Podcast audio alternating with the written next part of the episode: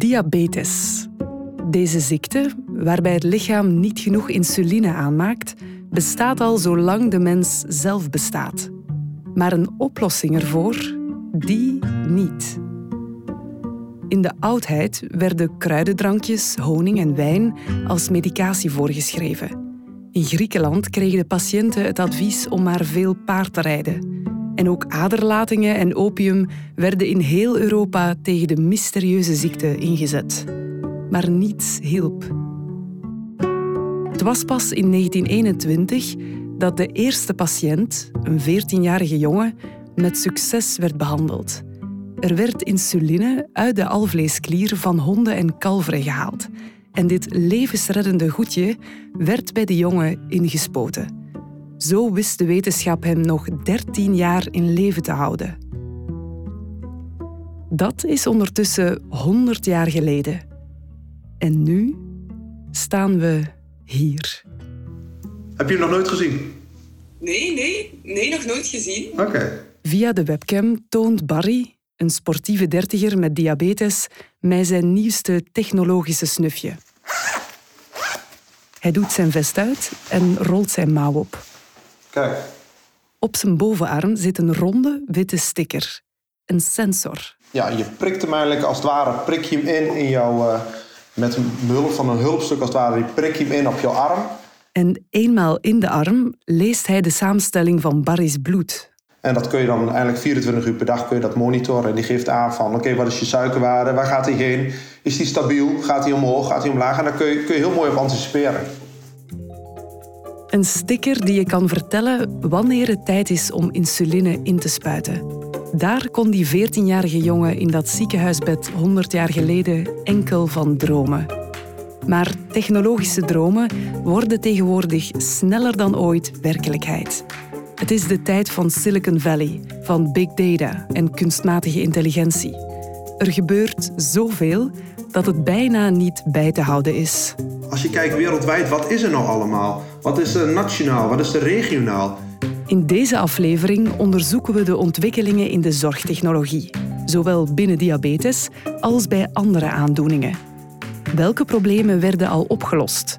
Wat klinkt nu nog als science fiction, maar is binnenkort werkelijkheid? En waar dromen patiënten zoals Barry zelf van? Want in een zorgsysteem dat steeds meer uit beeldschermen en metaal bestaat, is er daar nog genoeg plek voor de mens? Wanneer ondersteunt technologie onze menselijkheid? En wanneer neemt het er iets van weg? Oftewel, hoe maakt technologie de zorg een stukje minder? eh, de, lamlendig en naar. En, eh, Je moet zoveel geven, je moet zoveel geduld hebben. Je geeft al zoveel. Je moet zo het wiel uitvinden. Heel lastig. Ja, dat vind ik wel echt vervelend. En een stukje meer? Meer mens. Meer mens. Meer mens. Meer mens. Aflevering 3. Microchips en mini-tattoos. Ik ben Siona. Toen Barry in 2012 te horen kreeg dat hij diabetes had, was dat een grote schok. Ja, het betekende nogal wat. Ik moest, ik moest mezelf weer en mijn lichaam weer gaan herontdekken. Met daarbij diabetes. Hoe integreer je diabetes in je leven? Ineens kon hij niet langer zorgeloos voetballen, fietsen, de weg op voor zijn werk. Alles moest hij herzien. En ik denk dat heel veel mensen niet in de gaten hebben hoe, ja, hoeveel impact het heeft. Ik had voorafgaand aan dit gesprek realiseer ik me ook. Ik dacht van ja, ik heb het gewoon 24 uur, 365 dagen per jaar. Ik ben daar gewoon continu mee bezig. Of ik nu een, snoepje pak of een koekje pak, of ik ga een stuk wandelen, of eh, ik, ik ben met mijn werk eh, op een hoger stresslevel. Het heeft continu heeft het impact eh, op mijn leven. Leren leven met diabetes is een heel proces. En daarbij kan je alle hulp gebruiken die er is. Maar toen Barry acht jaar geleden aan zijn proces begon, had hij niet het gevoel dat hij goed genoeg ondersteund werd. Ja, ik kom bij een dokter en, en de dokter zegt van ja, hier nemen we wat folders mee. Hè? Dus letterlijk gewoon een paar A4'tjes van hier staat diabetes op en dit, dit, dit is het ongeveer. Een diabetesverpleegkundige liet hem zien hoe hij hulpmiddelen zoals een prikpen moest gebruiken. Maar verder was Barry op zichzelf aangewezen. Nou, vervolgens dan, dan ga je destijds, ja, je had je al gewoon Google en zo. Je gaat gewoon voor eigen dokter spelen, je gaat googlen en dat soort dingen. Maar Google kon hem niet geven wat hij echt nodig had. Wat heeft Barry nou nodig? En dan zeg ik Barry, maar dan praat ik denk ik voor een hele groep. Om te kijken van oké, wat, wat, heb ik nou nodig aan informatie om uiteindelijk uh, een goed zelfmanagementsysteem te krijgen. Barry zocht iets dat nog niet bestond. En hij bleek niet de enige. Maar ik zag wel dat er op een gegeven moment de, de, de leveranciers, uh, de, de, het ziekenhuis ging anticiperen op de vraag van de patiënt. Dat hij meer nodig had en dat hij op zoek was naar een soort van portal. In 2015 besloot leverancier Medic een app te ontwikkelen die diabetespatiënten en hun behandelaars ondersteunt. Hiervoor vroegen ze ziekenhuizen en patiënten om mee te denken, waaronder Barry. En daar heb ik destijds, uh, drie jaar geleden was dat, best wel veel aandacht aan gespendeerd om te kijken van kan ik nou samen met die leverancier uh, die app gaan ontwikkelen. Het resultaat was DiaCare, een zorgprogramma dat bestaat uit meerdere onderdelen. Zo is er de app die de bloedglucosewaarde van de patiënt bijhoudt en hierin patronen zichtbaar maakt. Zo kan iemand als Barry zien op welke momenten of tijdens welke activiteiten het nog niet helemaal goed gaat. Dus op welk tijdsmoment moet ik bijvoorbeeld bijschakelen? Zie ik dat ik structureel te hoog zit of te laag zit? Ook biedt Diacare ontzettend veel informatie aan. Bijvoorbeeld over de relatie tussen bepaalde eetgewoonten en je glucosewaarde. Het gaf me gewoon inzicht en dat gaf me zoveel voldoening. En daar was ik echt waar ik naar op zoek was. En als ik die inzichten niet heb, ja, dan ben ik wel een soort van verdwaald of, of, of uh, ja, hulpeloos, stuurloos ben ik dan. Dus ja, kun nagaan wat die technologie met mij doet als patiënt. Hè? Hoe afhankelijk ik van hun ben en hoe fijn ik dat eigenlijk vind. Een jaar geleden stapte Barry over op een ander systeem. Freestyle Libre, waarbij de sensor hoort die hij in zijn arm prikt. Deze technologie zorgde ervoor dat zijn gemiddelde bloedsuikerwaarde met haast 12% daalde. En daar was zijn diabetesverpleegkundige heel blij mee. Ja, die heeft gewoon geklapt voor mij om te zeggen van oké, hey, wat, wat mooi weet je wel. Dat zo'n hulpmiddel jouw leven met diabetes kan, kan, kan verbeteren. Maar hoe blij Barry ook is met al deze technologische hulpmiddelen, hij ziet ook de beperkingen. Het, zijn allemaal, het is allemaal platte informatie. Want ik moet het zelf maar inschatten. Hè? Ik moet zelf aan de hand van de data mijn analyses volgen. En ik zou het mooi vinden is dat de technologie zo ver gaat dat hij het voor mij ziet, opneemt, registreert en mij een soort van advies geeft. Barry droomt van een intelligent systeem. Een technologie die niet enkel zijn suikerwaarde meet en bijhoudt, maar die ook ziet wat hij doet of eet misschien is het een bril of een lens, uh, die, die ziet wat, wat, ik, wat ik voor mij heb, hoeveel koolhydraten zitten er daarin. En die ziet wat hij draagt. Die ziet ook dat op het moment dat ik naar, naar mezelf kijk, als het ware, dat ik mijn sportkleding aan heb, dat hij weet van ja, oké, jij, uh, jij gaat straks sporten, dus, dus uh, je hebt zoveel koolhydraten, spuit mij even geen insuline. Dat hij mij een soort van advies geeft van wat ik doe. Een systeem dat herkent, dat nadenkt, dat verbanden legt en dat kan voorspellen. Is dat science fiction? Of zijn we er al heel dichtbij? Ik uh, weet natuurlijk niet hoe oud Barry is, maar ik denk dat hij dit wel gaat meemaken. Dit is Peter. Ja, ik ben Peter Joosten. Ik noem mezelf toekomstdenker. Ik ben auteur. Peter is expert op het gebied van mensverbetering en de impact daarvan op het individu en de maatschappij. Maar die titel is natuurlijk nogal lang. Een kortere versie daarvan is biohacker. Omdat we steeds meer weten over de menselijke biologie, kunnen we ook het, ja, de mens hacken, verbeteren, aanpassen, upgraden. Uh, bijvoorbeeld functies toevoegen of uitbreiden of dingen versnellen. En dat is eigenlijk het domein van, uh, van biohacking. Als biohacker houdt Peter zich bezig met het optimaliseren van het lichaam door gebruik van biologie en technologie. Zo heeft hij al een paar functies aan zichzelf toegevoegd, waaronder een chip in zijn linkerhand. Uh, ik heb mijn visitekaartje er nu op staan. Dus je kan mij straks. Uh, het is NFC-technologie, dus je zou me kunnen scannen. Deze chip verbetert dus niet per se Peter zijn gezondheid, maar het kan wel zorgen voor een onvergetelijke eerste indruk op een sollicitatie. En ik vind het heel interessant om die grens op te zoeken van wanneer is het, uh, valt het zeg maar binnen het domein van de geneeskunde En wanneer gaan mensen diezelfde methode, bijvoorbeeld elektronica in het lijf, gebruiken om zichzelf te verbeteren? Want ik ben geen patiënt dat ik zo'n chip draag, maar ik vind het gewoon leuk en interessant en fascinerend. Peter geeft lezingen en workshops over biohacking, maar ook over de technologische vooruitgang binnen de zorg. Hij is dus de perfecte persoon om aan te vragen wat er ons allemaal staat te wachten binnen dit domein. Volgens mij gaan de ontwikkelingen in de technologie, in ieder geval van de zorg, uh, sneller dan ooit. En dat die ontwikkelingen zo snel gaan, is maar goed ook. Want de gezondheidszorg staat onder druk, zegt Peter. Zo lopen de zorgkosten enorm op. Uh, dus dat is het eerste. Het tweede is ook het tekort aan zorgpersoneel. En dan is er nog de toenemende vergrijzing, waardoor er steeds meer mensen zorg nodig zullen hebben. Dus het is eigenlijk het hele uh, ja, mengelmoes van verschillende variabelen, waarbij dus terecht wordt gekeken van nou, wat voor rol zou technologie daarin kunnen spelen. Wat wordt de rol van technologie in het oplossen van deze problemen? En hoe zien die oplossingen er eigenlijk uit? Want als je de toekomst van zorgtechnologie probeert voor te stellen, verlies je je al snel in visioenen vol beeldschermen en robots.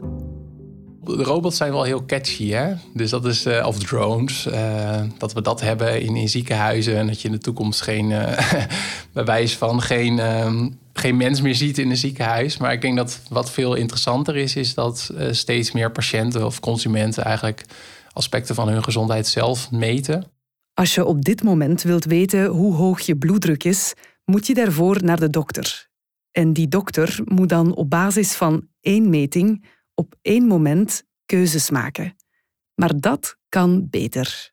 Het geeft een veel beter beeld van mijn gezondheid als ik bijvoorbeeld dagelijks uh, mijn bloeddruk meet of mijn hartslag meet of, of andere dingen meet.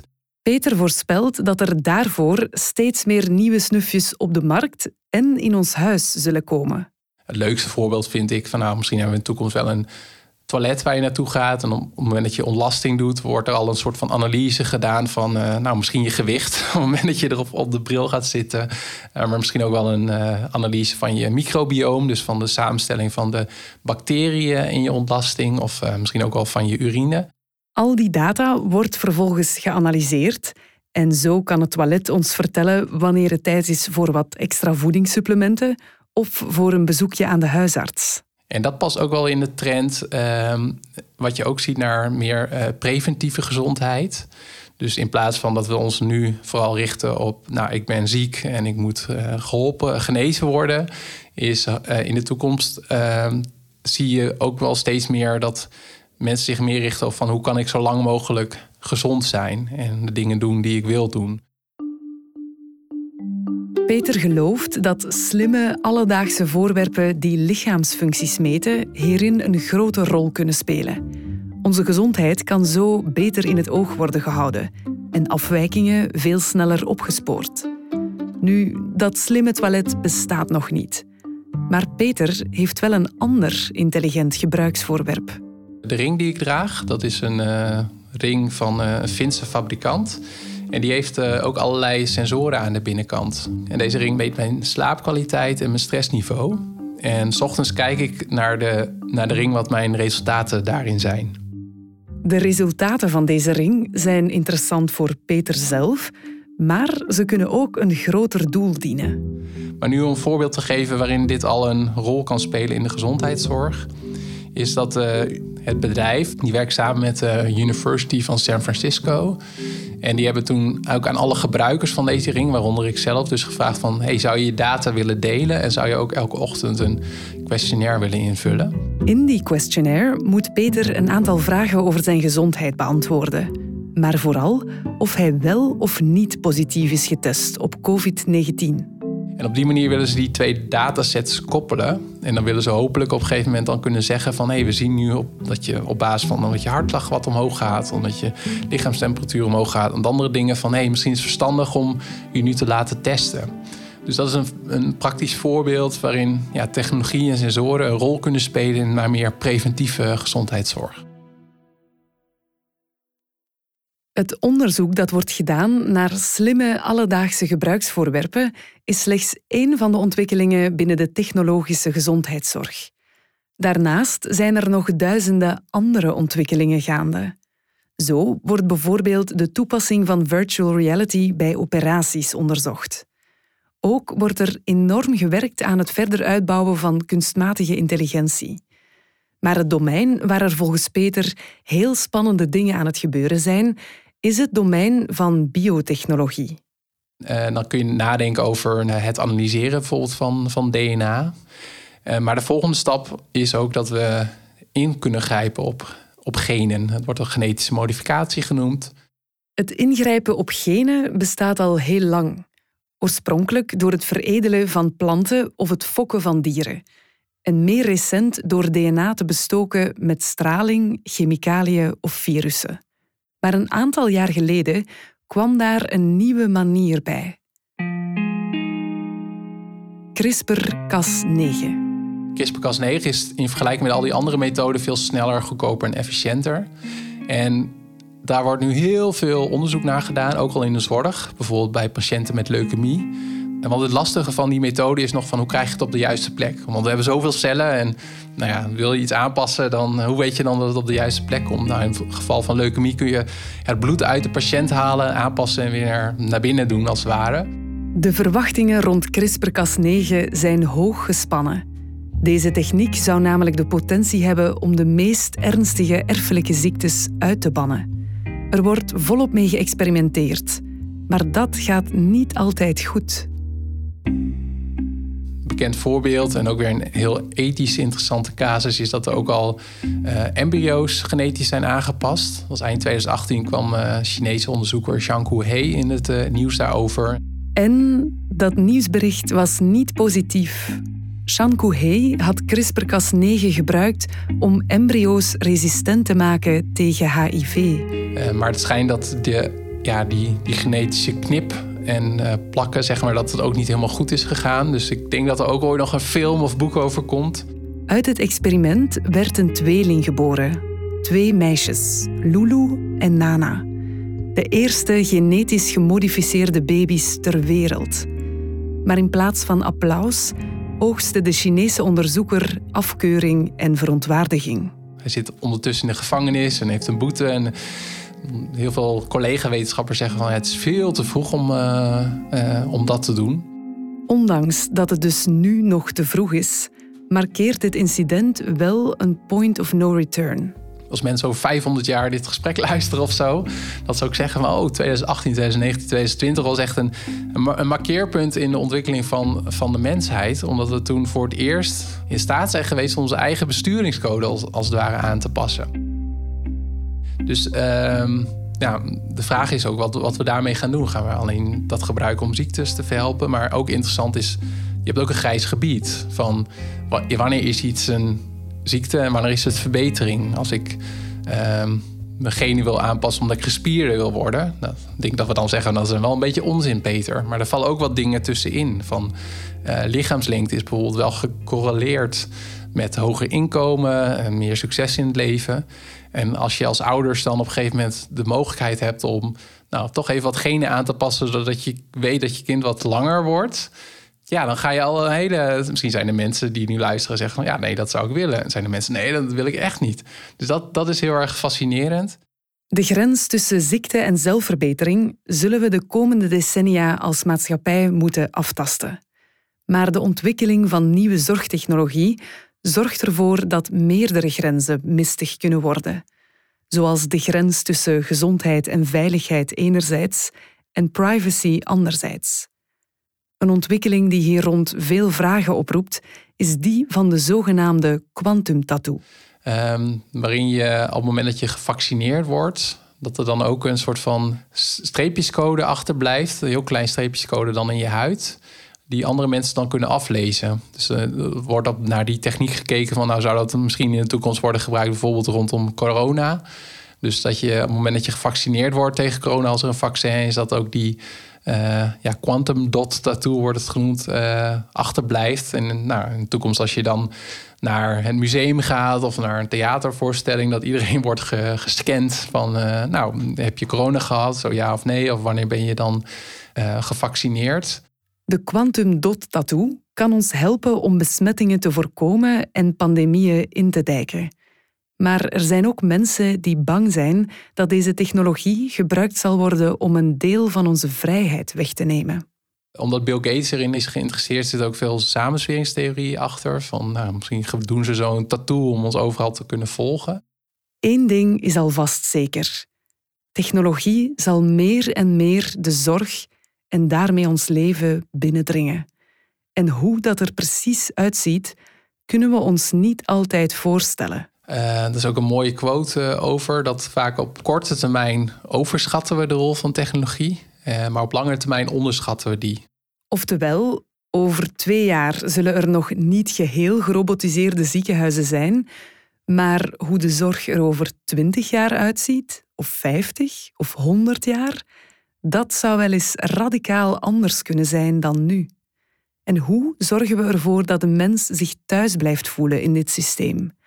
Kan technologie ons helpen om de zorg menselijker te maken?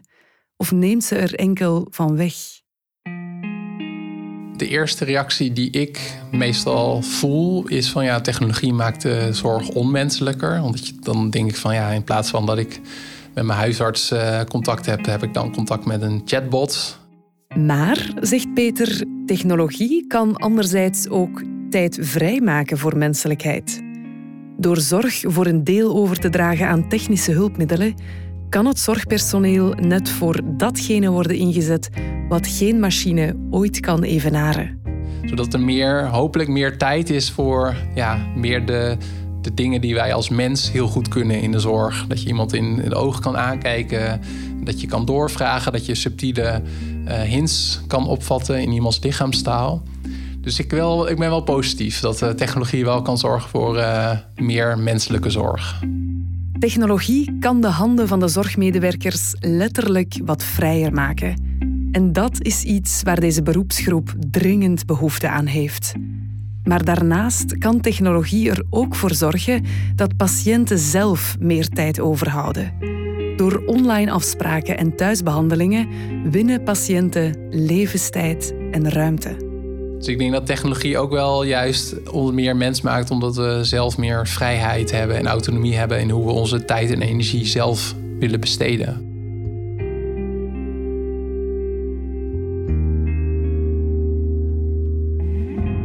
Ik denk dat, dat technologie een middel is inderdaad en die je in moet zetten om maar dat je altijd moet blijven kijken naar van hoe, hoe voel ik me nou? Wat, wat, wat, wat, wat is nou de patiënt? Wat is nou de emotie erachter? Barry's leven is de laatste jaren drastisch verbeterd door de hulp van technologie. Maar, zegt ook hij, we mogen niet vergeten dat we als mens meer nodig hebben dan data op een computerscherm. Het menselijke aspect, het af en toe gewoon een keer luisteren en af en toe gewoon met jou zo, zo kletsen, weet je wel. Ik merk ook aan mezelf dat ik het oprecht fijn vind om ook weer even gehoord te worden. Even gehoord worden, dat voelt goed. En dat is niet onbelangrijk. Want hoe je je voelt, dat heeft invloed op je lichaam. En dat heeft een grote impact op, op, op, mijn, op mijn suikerwaarde. Dus op het moment dat ik verdrietig ben en, en, of ik ervaar stress, bam, knalt hij omhoog. Maar met die invloed wordt volgens Barry nauwelijks rekening gehouden in zijn hulpmiddelen. Hij kan invoeren op zijn app wat hij heeft gegeten, maar niet hoe hij zich voelde dat gevoelskwestie in een technologisch verhaal verankeren. Oh, dat, dat zit er niet in. Ik zie nergens nog, nog hartjes staan of, of, of, boze wolkjes of, of, of, of, of, uh, of gestreste poppetjes als het ware. Waarbij ik in ieder geval kan duiden of in mijn Libre of in de Diacare wat mijn gevoel doet. Dus dat is iets wat ik, wat, ah, dat zou het menselijke aspect verhogen in mijn dingen. Dat, dat ik ook emoties kwijt zou kunnen in, in, in dat gebeuren. Omdat het gewoon belangrijk is emoties kunnen loggen in een digitale omgeving. Dat is Barry zijn wens en zijn tip. Zodat de technologie en de mens elkaar steeds beter begrijpen.